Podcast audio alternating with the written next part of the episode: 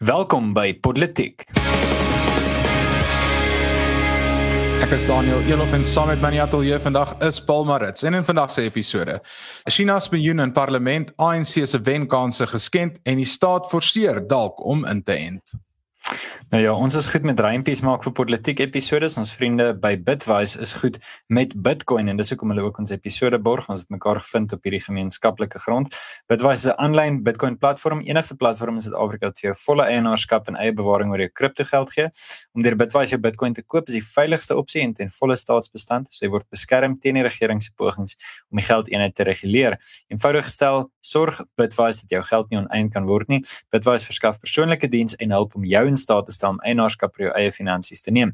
Bitwise bied ook die hoogste verwysingsfooi van enige Bitcoin platform in Suid-Afrika. Kontak hulle vandag nog by www.bitwise.io om eienaarskap van jou finansies te neem en as jy politiek wil ondersteun want hulle ondersteun ons. So as jy in elk geval in kripto gaan inklim, doen dit net sowel deur mense wat uh, glo in die goed waarna jy glo. Nou ja, kom ons ons is 'n bietjie hierdie week se uh, politiek en dis 'n bitterlike vreemde ding om te sê, maar daar's 'n China spioen in parlement. So ehm um, dis 'n angswekkende opskrif, maar dis nie eintlik misleidend nie. Daniel, kan jy vir ons 'n bietjie meer vertel? Ja, wel ek bedoel, dis nie die eerste keer wat enige Suid-Afrikaanse regering ons uitverkoop aan 'n uh, ander land of ander land se mense nie.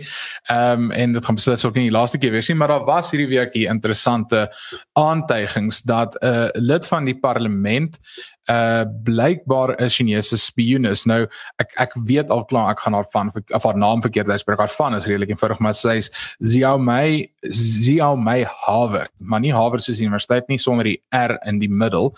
En die die aantuigings is blykbaar of ten minste na bewering dat sy is 'n uh, spioen vir die Chinese kommunistiese party.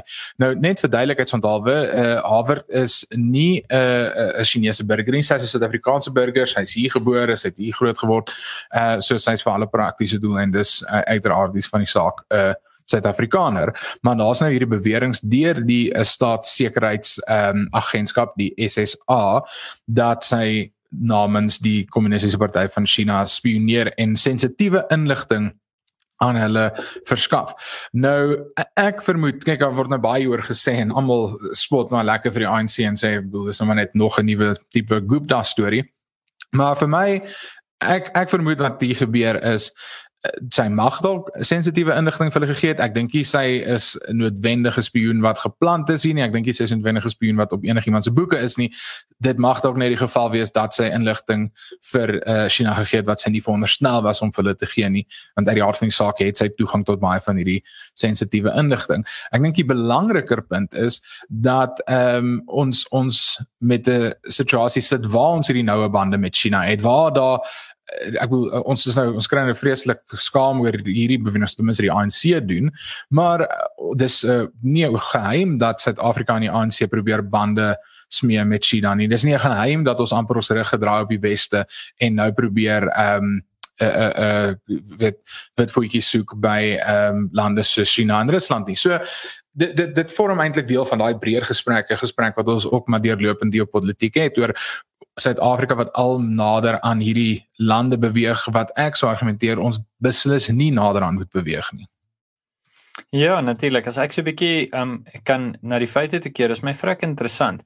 Ehm um, natuurlik in hierdie stadium gaan dit daaroor dat daar 'n verslag deur die staatssekuriteitsagentskap waarvan jy gepraat het wat uh blykbaar en so lei die artikels uh jy weet onsekerheid het oor uh Harvard of uh, waar mense dit nou ook al sê. Maar op hierdie stadium is daai verslag nie bekend nie. Nou die DA natuurlik vir president Ramaphosa vra om hierdie verslag bekend te maak aan die publiek. En natuurlik het het sy self, dis nou uh Dr. Harvard het gesê wel um of Dr. Harvard het gesê wel luister hier dis 'n smeerveld tog teen haar um en mense probeer maar te diskrediteer. Nou nou moet ek sê as 'n mens nou 'n bietjie duiwels advokaat wil speel, ek sê dit nie verby die ANC om 'n smeerveld tog teen een van hulle LVS te jy weet um van stapel te stuur of ten minste lede van die ANC nie. Ehm um, ons weet dat daar binne in Suid-Afrika dinge soos politieke moorde is. So politieke smeerveld tog is 'n hele paar trappies af van dit af. So ehm um, dit is seker nie onmoontlik nie. Die feit dat van jy weet haar nasionaliteit help haar natuurlik nie in hierdie opsig nie. Ehm um, en dit kan wees dat daar 'n groot wantroue dalk kan wees teenoor haar ensovoorts. Ehm um, uit en uit, uiteindelik op hierdie stadium sal ons moet wag tot die verslag uitkom, maar is nog steeds 'n baie interessante storie en die rede daarvoor is dat Suid-Afrika soveel so ontsettend baie skuld het teenoor China en dat ons so openlik uh, eintlik aan China se lippe hang. As jy dink vroeër die jaar het die kommunistiese party in China hulle 100 jaar viering gehad en die ANC het briewe van lof geskryf wat lyk asof dit uit 'n preek uitkom, jy weet. Dit was ontsettend om te sien hoeveel lofbetuiging hulle gemaak het aan hierdie ehm um, kommunistiese party. En 'n mens moenie vergeet nie, dis maklik vir ons om te te vergeet en te sê ja, okay, maar ons moet met hierdie mense saamwerk, ehm um, want China gaan binnekort die grootste ekonomie in die wêreld wees en dis meer en dis meer. En nou goed, dis reg, ek ek hoor mense wat daai punt maak, maar onthou, hierdie is 'n land wat in 1989 by Tiananmen Square hoeveel tieners doodgeskiet het net sommer want hulle het 'n optog gehou. En uh nou kan jy sê ja goed, maar die weste is ook bloedig. Kyk wat het die Amerikaners aan mekaar gedoen in die 1860s. Kyk wat het die Britte, hulle het hulle koning se kop afgekap. Dis gewelddadige mense. Dis waar, maar weet jy wat, ek sou argumenteer dat sedertdien is daar 'n klomp wette in plek wat persoonlike vryhede beskerm. Ongelukkig lê dit op 'n filosofiese vlak as jy kyk na die agentskap van die mens self. En binne in die manier hoe die Chinese regering en en die People's Republic of China op hierdie stadium uh die individu beskou, is die individu ten volle afhanklik van dit wat gesien word as die breër goed. Dit wat goed is vir die groter gemeenskap. So as as jy in die slag moet bly vir 'n groter of 'n beter belang, ehm um, ten gunste van hierdie groter idee van nasiebou of volksbou of empire bou, dan moet dit nou maar so wees. Ehm um, en en dis 'n baie uh, dit gaan baie kontra dit wat ons in die weste sien as korrek en sien as as die manier hoe die wêreld ingaan. Nou ja, so dis dis eintlik as 'n mens die punt dryf tot op sy diepste wat wat hierdie verslag oor Dr. Hawert betref, dink ek ons gaan natuurlik eers moet wag en sien. Nietemin 'n interessante ding om van kennis te neem, Daniel. Beslis, Paulus. Ehm uh, maar nou ja, kom ons gesels bietjie verder oor van die slawe wat die ANC die afgelope week gekry het. En uh hier is amper so 'n tipe van 'n dubbelloop storie wat ons doen want die die plaaslike regerings uh verkiesing is 'n groot storie. Ons het dit is altyd vir my so interessant uh, wanneer dit die verkiesingsjare is en en ons besig is met politiek dat uh, ons sê so 'n paar maande voor die tyd, onthou hierdie jaar se verkiesingsjaar en dis so half heeltyd aan die agterkant van ons koppe en dan kom ons aan die einde van die jaar en dan is daar nou regtig 'n magdom stories oor oor die verkiesing want punt is uh, politiek verkiesings dit bly maar belangrik binne binne politieke konteks. So die die twee stories wat ons oor vandag gesels is ehm um, die die eerste een is natuurlik dat die daar was ons uit die groot saak in die grondwetlike hof ehm um, waar die klomp partye onder andere die ANC betrokke was oor die uitstel van die plaaslike regeringsverkiesing en die tweede storie is natuurlik en en ekskuus en die ANC het nou nadat die aansoek aangehoor is nadat daar geargumenteer is het hulle hulle aansoek uh, om tussen beide te tree onttrek. Dis die eerste storie en die tweede storie is natuurlik dat die ANC het, het selfs voor hierdie hofsaak misluk. Hulle kon nie dit regkry om in 1 uit 8 van die wyke uh, uh in die hele land 'n uh, 'n uh, kandidaat te kry nie. Met ander woorde, hulle mis al klaar uit op ten minste 12.5% van alle wyke in in Suid-Afrika. En so dis 'n enorme invloed wat dit moontlik op die ANC kan hê. Maar ja, Paulus oor na jou dat jy hierdie storie vir ons verder kan inlei. Ja, so dit dit kom vir my voor asof as ons die media dophou, natuurlik ons weet en ons het verlede week daaroor gepraat, die ANC het in 93 munisipaliteite nie betyds sy kandidaate by die onafhanklike verkiesingskommissie of die OVK geregistreer nie. En vir hulle is dit 'n massiewe krisis want soos jy sê, dit beteken dat hulle nie in hierdie munisipaliteite of sal kan regeer of die amptelike oppositie gaan kan wees nie. Nou Jessie Duarte, sy is die adjunk uh, sekretaris-generaal van die ANC en sy is eintlik maar kan mens sê die persoon wat die meeste van die werk van die ANC doen. Sy het in die hofstukke aangedui dat die ANC in meer as 35 munisipaliteite of as regering of as uh, amptelike oppositie uitgestem sou word as hulle nie toegelaat kan word om die uitstaande kandidaate te registreer nie. En toe het hulle baie skielik hulle aansoek in die in die kieshof teruggetrek en hulle rede daarvoor was eintlik um, 'n mens kan sê dit dit is abs, absoluut absurde rede vir so groot en so sterk party. Hulle het gesê dat hulle wil 'n oorvloed hofsaake oor die plaaslike verkiesing vermy. Nou dis 'n baie altruïstiese rede om te sê vir weet ek gaan maar terug staan want uh, ek wil nou nie 'n klomp hofsaake veroorsaak nie. Ek dink die waarheid lê eintlik um, die waarheid moet op 'n ander plek lê want dit kan nie waar wees nie. Enige politikus weet jy beklei vir elke duim grond wat jy kan kry, vir elke millimeter. Hulle gaan nie net munisipaliteite opgee nie. So hierdie moet nonsens wees. Nou kan nou een van twee redes wees, een van drie redes wees, okay? Die een kan wees dat die ANC regtig so bankrot is dat hulle nie kan bekostig met die hofproses te dryf nie. Hulle prokureurs en advokate het gesê, weet jy wat, ons gaan nie nog een hofstuk opstel nie. Ons sal nie meer een hoofde van argument dokument opstel voordat ons nie betaling kry nie. Die ANC moet nou natuurlik salarisse betaal vir hulle werknemers um, om daai skandaal te keer. So dit kan wees dat dit 'n moontlikheid is. Die ander moontlikheid en dis die meer kommerwekkende een, is dat die ANC binne inligting ontvang het dat die verkiesing in elk geval uitgestel gaan word, wat heel moontlik daartoe lei dat die datum vir die registrasie van kandidaate ook uitgestel gaan word. Ehm um, so ek sou dink dis die twee primêre redes. En die derde rede is ons kan sê goed ons glo vir Jessie Duarte en hulle wil regtig maar net nie deur die hofproses gaan nie want hulle het Suid-Afrika se be beste belang ter harte.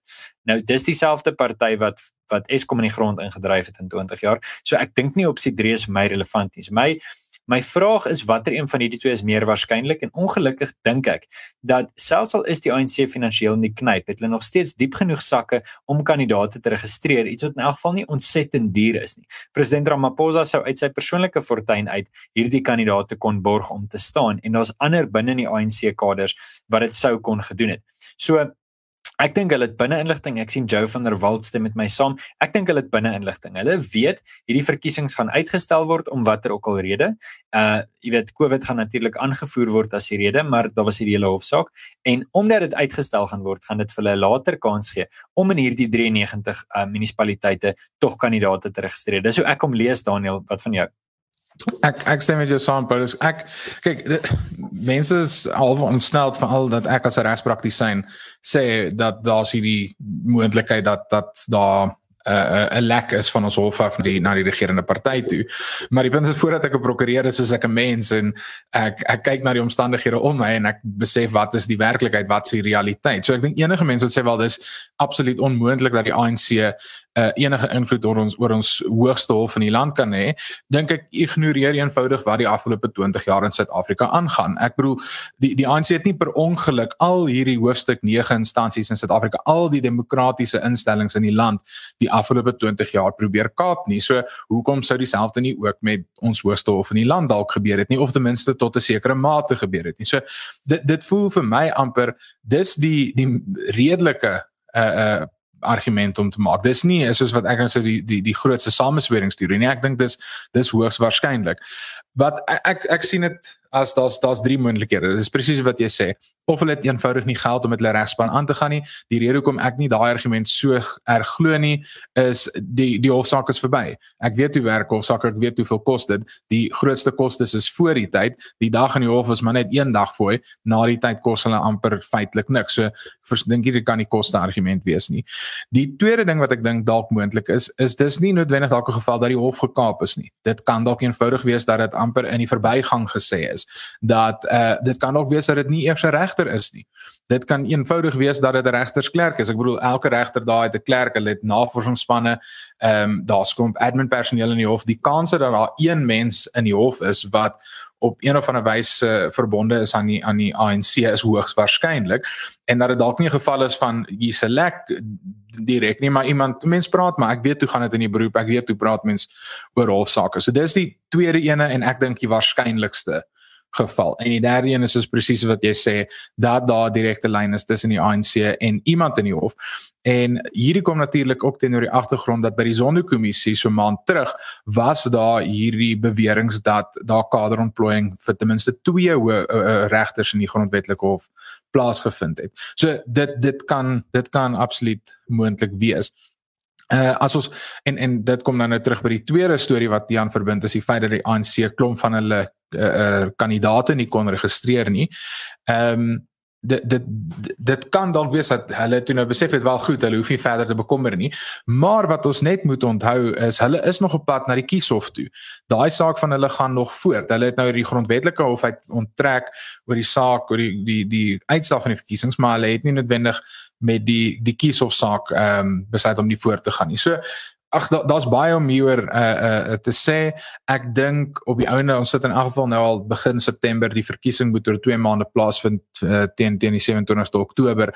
Die kans dat dit in daai tyd gebeur, dink ek is feitelik nul. Ek dink is 'n gegewe dat die grondwetlike hof ehm um, die die verkiesing wel gaan uitstel. Ek dink dit gaan vir ons 'n ongelooflike grondwetlike benarie veroorsaak. Maar ehm um, ek ek dink dit dit gaan gebeur en ek ek was redelik nou betrokke by die saak met verskeie van die partye wat wat betrokke geraak het by die saak onder andere was AfriForum daar klomp van 'n uh, ander kliënt vir my het ook as amicus die die saak toegetree. So die die punt is ehm um, van my lees die dag in die hof en en alles wat ek gevolg het het dit vir my gelyk asof die grondwetlike hof wel uh op die ouene die die versoek van die uh, uh OVK gaan toestaan en die verkiesing na volgende jaar toe gaan uitstel. Nou ja, dit is dit bied bepaalde uitdagings. Ek wil net vinnig op hierdie storie vir jou nog 'n vraag vra. Kyk, ons het natuurlik ons ons tande gesny in argumentering by debatkompetisies waar jy deur mense beoordeel word en mense maak foute, jy weet. So as 'n mens dit kan vergelyk met 'n debatkompetisie, jy het twee kante van die saak en die beoordelaar neig na die een kant toe en sê dalk per ongeluk iets tydens 'n koffiebreek en dit dit lek uit. Dis dis waarskynlik dat dit gebeur, maar jy weet dit is nog steeds oneties en ek ek sou dink nog steeds vermy word. My vraag is, wat staan die Suid-Afrikaanse burgery te doen? As dit duidelik is dat hierdie party meer is as 'n deelnemer aan die verkiesing. Ehm um, al het hy op 'n per ongelukke en dalk nie 'n super onetiese manier nie hierdie binne-inligting gekry. Kyk, ek dink dalk is jy 'n klein bietjie meer optimisties as ek. Ek ek dink gewoon daar's daar's hoër rangerende amptenare wat inligting uitlek wanneer dit, jy weet, ehm um, sinvol is vir die party. Uh, so ek ek is, jy weet, en, en ek ek dink ek ek weet nie, ek kan niks bewys nie. Ek beskuldig niemand van enigiets nie. Ek sê net vir my is dit ook nie onwaarskynlik nie. Maar wat staan wat staan die burgery te doen wanneer sulke goed gebeur? Is daar iets wat ons kan doen om hierteen op te staan uh of om seker te maak dat daai lekkasies toegemaak word of is dit nou maar net iets wat mense moet aanvaar as as deel van die spelreëls? Ek dink dit is maar dit sal met ons wees solank as wat die mens met ons is want die punt is wat jy sê die mense daar op die ehm um, die regsbank. Dis dis ek bedoel daar's nie iets wat ewe skielik op jou met jou gebeur die oomblik wat jy regter word wat uh, jou jou sondige natuur wegvat of of regmaak nie. Die punt is jy bly 'n mens en ek dink dis dis altyd vir my so bemoedigend as 'n Christen om om daai wêreldbeskouing te hê. Um om om nie amper in hierdie idee vasgevang te word of of vir hierdie aardse uh uh droogredenasies te te val nie. So ek bedoel die punt van die saak bly staan, daai regters bly ook maar net mense en hulle maak ook net foute en ek ek dink regters erken dit. Ek prokureurs erken dit, ons almal erken dit. As jy nie erken dat jy foute maak nie, is al groot fout. So ek dink dis deel van van van die hele proses. Maar natuurlik kan daar maatreëls in plek gestel word om dit te verbeter om die regsbank so onafhanklik as moontlik en onpartydig as moontlik te maak. Die die probleem met Suid-Afrika is uh hoe regters aangewys word, is dit bly op die ouene nog steeds uh, op die aanstelling van die president, ten minste by die grondwetlike hof. Die die regterlike dienskommissie doen onderhoude, hulle gaan deur die hele proses en hulle stuur 'n lys vir die president. So hulle doen amper die die se werk. Hulle doen daai aanvanklike kyk deur die CV's en en gee dan vir die baas 'n lys van van na wie die baas moet kyk. Hulle doen dieselfde proses. En die probleem met die regterlike dienskommissie is dis al klaar verskriklik partydig want dit word deur die wetgewer bepaal. Dis proporsioneel tot die wetgewer se verteenwoordiging. So die regterlike dienskommissie word deur die ANC beheer. Ehm um, mense uh, Julius Malema die natuurlik ook op die regterlike dienskommissie. Hulle maak 'n voorstel aan die president en die president stel dan na aanleiding van daai kortlys mense by die grondwetlike hof aan. So die of ons daarvan hou of nie, die mense wat as regters in ons grondwetlike hof aangestel word, word deur politieke partye aangestel. Hulle word deur die uitvoerende gesag aangestel. So ek ek sê altyd Suid-Afrika het nog ons naby gekom ten minste in teorie aan die skering van magte, die trias politica, maar ons is nie, ons is nie daar nie, want die regsbank is nie so ver verwyder van die ander twee bene van die regering dat jy regtig kan sê hy's onafhanklik hy kan sonder vrees en sonder enige uh uh uh hindernisse sy werk en sy rol vervul nie. Ja, ek sien uh, hier word reg uitgewys Julius Malema as deel van hierdie uh, ja, ons het dieselfde ding raak gesien. Julius Malema as deel van hierdie regtelike dienskommissie.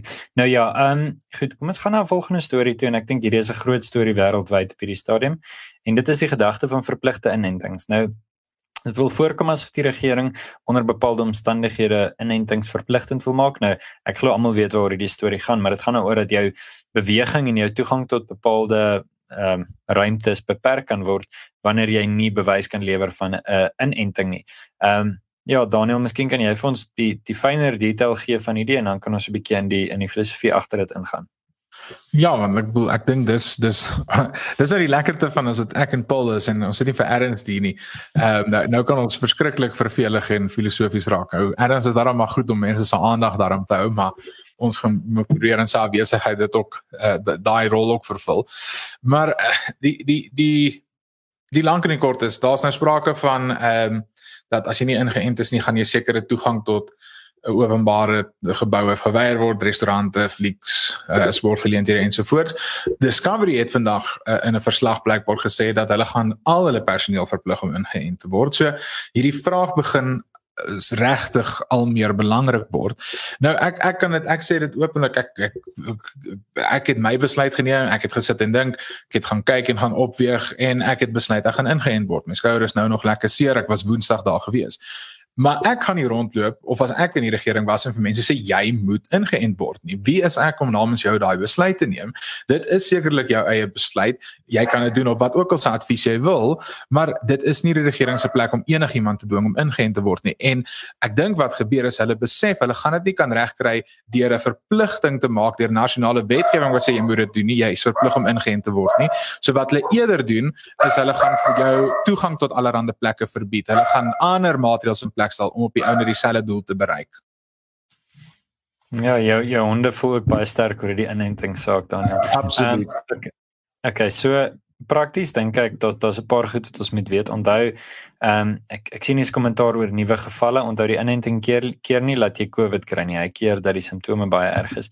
Maar ek dink kyk die standpunt van die solidariteit beweging af en ons het 'n baie volledige verslag hieroor ehm um, wat die solidariteit navorsingsinstituut uitgegee het omtrent 'n maand terug en dit sê dat uh, die in, die enstowwe volgens hulle mening goed is en betroubaar is en nodig is as ons weer na normaliteit wil teruggaan maar dat dit elkeen se vrye keuse moet bly.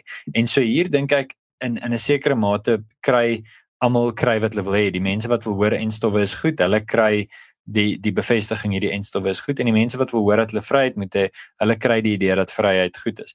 Nou is die vraag op watter punt kan 'n besigheid jou verplig of 'n land jou verplig om ingeënt te word. Nou hier's 'n paar dinge wat wat ons in ag moet neem. Byvoorbeeld met vryheid van spraak in Amerika en ek weet baie mense maak hierdie vergelyking met vryheid van spraak. Dis 'n foutiewe voorbeeld.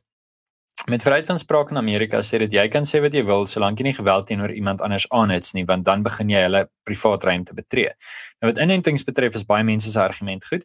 Uh ek kan jou verplig om ingeënt te word want jou veiligheid het 'n impak op my lewe. En as gevolg van daai feit Ja. Nou die die uitdaging daar daar's natuurlik wesenlike uitdagings daarmee. Die ander argument wat ek sou dink baie ouens wat hulle self sien as ekonomies regs, aan die ander woorde, jy weet, nie noodwendig polities regs maar ekonomies regs, ehm um, libertariërs en so aan. Die vraag is behoort 'n besigheid nie die regte hê om te sê as jy my perseel wil betree, moet jy voldoen aan 'n bepaalde vereiste. Jy weet byvoorbeeld ons praat baie oor die bakker in Amerika wat ehm um, wat nie 'n koek vir homoseksuele paartjie wou bak nie. Behoort hy daai regte gehad het of nie? Ehm um, jy weet en en so behoort 'n winkel nie die regte om te sê wel as jy hier wil inkom dan moet jy ingeënt word. Jy weet dis my een ding. Wat die staat betref uh jy weet en so goed so ek kan eerlik sê ek ek kies om nie 'n mening hieroor te hê nie as dit pateties voorkom dan is dit piek fyn ek ek het nie behoefte om 'n mening hieroor in te neem nie want die mening wat my werkgewer het stem ek 100% mee saam dink dit behoort vrywillig te wees ek dink is goed vir jou ehm um, uiteindelik om ek dink is die enigste manier wat ons gaan kan aanbeweeg. Ek is nie eers meer so erg bekommerd oor COVID nie. Ek is bekommerd oor die sielkundige impak wat dit op mense het om vasgevang te wees in een sone of een area of selfs een eiendom vir 'n bepaalde periode van tyd. Ek dink dit gaan psigo ehm um, jy weet die die psigopatologie van hierdie ding gaan nog vir jare met ons bly wat mense navorsing hieroor gaan doen. So Dit gesê, ek dink daar's 'n klomp opsies op die tafel. Ehm um, ek kan verstaan dat daar van groot instellings se kant af, byvoorbeeld 'n regering, druk is en hulle wil asseblief soveel moontlik mense moet ingeënt word. Ek dink nie regering het die reg en dis nou 'n moeilike is 'n sterk standpunt om in te neem, maar ek voel ek ek voel dit werklik. Ek dink nie 'n regering kan jou forceer om 'n stof in jou liggaam in te druk nie. Ek ek dink ek dink wanneer ons daar is en jy dink dat 'n staat en nou ons het al baie politiek gepraat oor Hobbes en Locke en so aan en ek dink jy kan teruggaan na van daai episode toe as jy wil maar wanneer 'n regering wat 'n mensgemaakte konstruk is wat ons op besluit het en wat ons daar gesit het wanneer hy dink hy kan my forceer om 'n komplekse en onbekende chemikalie in my lyf in te forceer dan dink ek ons is besig om te oortree wat mense se persoonlike vryhede betref. Die feit dat ek ingeënt is of nie ingeënt is nie, die feit dat jy ingeënt is of nie ingeënt is nie, behoort jou keuse te gewees het. Natuurlik wanneer iemand homself inspuit met dodelike stowwe soos hoogs verslawende dwelms of gifstowwe, ja, dan kan jy intree want daar's 'n etiese verpligting binne-in ten minste my eie Christelike wêreldbeskouing om te sê ek moet doen wat ek kan om jou lewe te bewaar, want as ek dit nie doen nie, dan is ek in 'n mate ten minste, jy weet, in oortreding van die 6de gebod. My oupa het baie boeke hieroor geskryf. As as jy meer hieroor wil weet, vra my in op sosiale media. Ek gaan nie nou daarop ingaan nie, maar uiteindelik is dit die vraag. Wanneer kry hierdie ding wat ons geskep het die reg om vir ons te sê ons moet onsself inspuit met 'n komplekse chemikalie. Ek sou nie argumenteer dat daar regtig so 'n punt is nie. Daarom sê ek so, as jy dink is goed soos wat ek dink is goed, dan is dit 'n persoonlike besluit. Jy kan nie mense forceer om dit te doen nie. En as dit as dit impak het op besigheid en goederes, dan is dit 'n ander gesprek. Ekskuus daarna, ek het baie lank gepraat. Ek het baie gesê, miskien kan jy stelselmatig deur alles kou wat ek nou gesê het nee, ek ek dink dis dis eintlik 'n baie interessante gesprek en ek dink dis nogals iets wat uh, om dit regverdige lekker langer gesprek oor net hierdie onderwerp. Ehm um, dit is 'n interessante filosofiese filosofiese punt. Uh, wat vir my half amper uitstaan in hierdie hele hierdie hele gesprek is die die die dis natuurlik interessant dat mense alself op hierdie hierdie verskriklike staatsmag beroep om te bereik wat hulle wil bereik en ek dink dit sê verskriklik baie oor mense se perspektief oor die staat en oor die staat self. Ek dink dit sê eerstens is dit vir my dan duidend dat wanneer iemand iets wil kry of iets wil hê wat hulle wil hê, dan probeer hulle die die staat wat 'n monopolie op geweld het aanwend om uh, te bereik wat hulle wil bereik. En tweedens uh oor, oor die staat self is dit my interessant dat die staat bereid is om dit eenvoudig te doen. Hulle is hulle is bereid om gehoor te gee aan aan dit wat mense vra. Ek ek sou dink as jy wil hê mense behoort iets doen wat jy wil bereik. Is dit presies daai selfde beginsel wat ons nog altyd sê, begin by die mense in jou omgewing. Begin by jou gemeenskap. As jy baie passief volvoer en mense wat nie ingeënt word moet word nie, begin daar. So dieselfde geld vir as jy wil hê mense moet ingeënt word. Die die feit dat ons ons self beroep op hierdie staat is een omdat ons weet hierdie staat verskriklik magtig en twee omdat ons weet hulle hulle gaan dit redelik effektief kan doen en dit is my problematies dit beteken die staat is in 'n magsposisie waar hy nie veronderstel is om te wees nie en dat hy goed kan doen wat die staat nie veronderstel is om in eerste plek te doen nie. So uh, uh, ek stem met jou heel hartig saam Paulus. Ek dink nie 'n staat behoort mense te kan dwing om om in te ent nie. Ek ek dink nie daai vraag lê op daai vlak nie. Uh, en die feit dat die regering dit oorweeg enigstens om om dit te doen is regtig problematies. En dalk net 'n laaste punt om om te te opper. Dis al klaar die geval daar's al klaar direktiewe uitgereik deur die departement van van arbeid wat sê werkgewers kan hulle ehm um, werknemers verplig om in te en daar's natuurlik 'n hele lang lys van caveats en uitsluitings en onder watter omstandighede maar dis nie eintlik 'n nuwe ding wat gebeur nie. En hierdie is ook een van daai goed wat vir my so verskriklik pla. Nou is ons bekommerd. Maar verlede jaar in Julie toe ek namens solidariteit oor hierdie einste vraag beklei het, toe toe het niemand regtig hier verskriklik omgegee nie. Ehm um, want dit was nog ver weg. Maar nou wat wat wat die die ek wil amper sê die bekleierery is bietjie te laat. Uh nou nou skrik mense uiteindelik uh, eers wakker, ongelukkig eers wakker. Ja, ek ek dink uh my my skoonpa is is 'n ehm um, se teoloog en daar's 'n baie bekende teoloog waarvan hy my vertel het uh, wat wat ek ook kan aanbeveel. Ek dink ehm um, miskien as as as die vriende wat belangstel, daar's 'n professor Douma, Nederlandse, ek dink hy hy's 'n dogmatikus, kan 'n etikus wees wat in die 1970s al geskryf het oor inentings en jy weet letterlik die die titel van sy artikel gee dit weg. Hy sê vaccinatie mag maar mag maar dwang is verkeerd. En ehm um, so ek jy weet ek, ek dink uiteindelik daar's daar's ook natuurlik ons weet daar's daar's van hierdie radikale gelowige streke in die wêreld wat absoluut inentings weier. Ehm um, en En nou nou sien ek natuurlik dat daar in die kommentare klomp goed te sê is oor die inenting self. Ek gaan my nie uitlaat oor die effektiwiteit van 'n enstof nie. Ek ek dink nie dis hoekom ek hier is nie. Ek is hier om te praat oor of dit verplig mag word of nie. Ehm um, verder in terme van 'n besigheid se regte, dis baie moeilik. Dit jy weet die oomblik wat die staat gaan sê ons bevoordeel 'n besigheid wat mense laat inent. Ek is deel van daai staat, ek's 'n belastingbetaler, ek's 'n burger, ek is medepligtig aan wat die staat doen in 'n mate. So dis hoekom dit my grief wanneer die staat optree en wat ek dink moreel onregverdigbaar is wanneer iemand sy privaat besigheid het, eerlikwaar, regtig waar ek ek wat my betref as as jy as jy wil sê luisterie, Um en en hierdie is ons het ons 'n political oor gesê. Ek dink dis die een ding wat ons regtig almal oor saamstem. As Wimpy vir my sê ek moet ingeënt wees om in te gaan en ek wil nie inent nie, dan gaan ek Nando's toe. Daar's nie 'n ding van Wimpy moet vir my waarborg die enstof gaan my nie doodmaak nie. Ek ek weet nie, ek voel nie so nie. Ek ek wil nie stry met ons getroue politiek luisteraars nie, maar my gevoel is as jy nie saamstem met wat Discovery sê nie, gaan met die help toe. Jy weet, as jy nie saamstem met wat Wimpy sê nie, gaan Nando's toe. Daar gaan mense wees wat jy sien toe gaan want hulle voel veilig daar en dis piek fyn. Dis die punt van individuele vryheid. In feite ons van mekaar kan verskil. Ek dink dis goed. Ek dink dis gesond. Ehm um, uiteindelik uh, ken ons het ons al die kennis oor die oor die nuwe effekte van die enstof? Nee. Maar ek wil aangaan met my lewe en jy weet nou klink dit is dit selfsugtig? Okay, fine, maar dis 'n persoonlike besluit wat ek gemaak het. Hoekom? Want ek wil actually jy weet nie vasgekeer sit die hele tyd nie. Ehm um, so en en wanneer iets is 'n ligredery dit van jou vereis dan dink ek dis dis weer eens hulle keuse. Ek kies om my ligredery te gebruik. As al die ligrederye dit gebruik, het ek 'n keuse? Miskien nie. Daai is 'n ander baie komplekse gesprek. Maar die hele gedagte van bioetiek is nou so op die voorgrond. Ehm um, en ek dink ek dink daar's so dis so 'n moeilike tema. Ek bly by die oorhoofse standpunt uh wat jy weet wat my werkgewer gee en ek gaan dit sê want mense gaan nou sê maar natuurlik gaan ek dit sê want as die mense wat my salaris betaal. Miskien is dit so, maar ek stem toevallig regtig saam.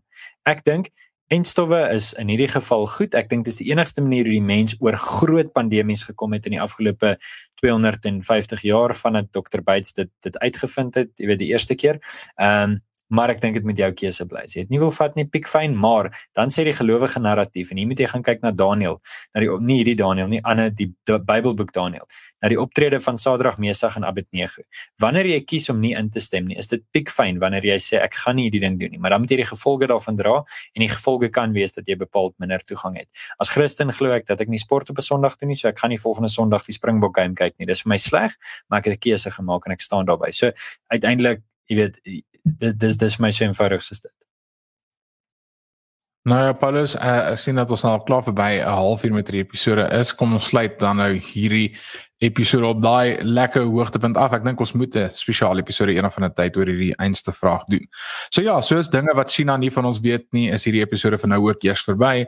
As jy hou van wat ons doen, klik op die subscribe knoppie om uh, elke week politiek te luister. Dankie vir almal wat vandag ingeskakel het. Ons besef ons is 'n dag laat. Ons moes eintlik gister opgeneem het, maar uh, weens almal se afwesige wel onbeskikbaarheid eintlik gister kon ons ongelukkig nie opgeneem het nie maar ons het toe dan 'n plan gemaak om vandag uh hierdie episode op te neem en regstreeks uit te saai. Dankie vir almal wat ingeskakel het. Dit is altyd vir ons lekker om saam met julle te gesels en bietjie te ontnonsens.